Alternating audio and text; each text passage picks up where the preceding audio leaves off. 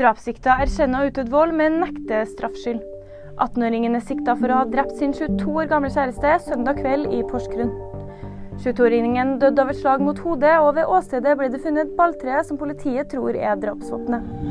Norge og EU er enige om EØS-midler.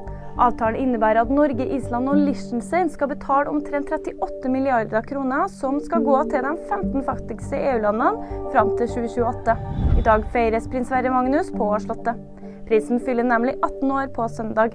Dagen har bl.a. vært fylt med taler og ridderutnevnelse. Og i gave av kong Harald og dronning Sonja fikk han en bunad som han har på seg for første gang i dag. Flere nyheter finner du på vg.no.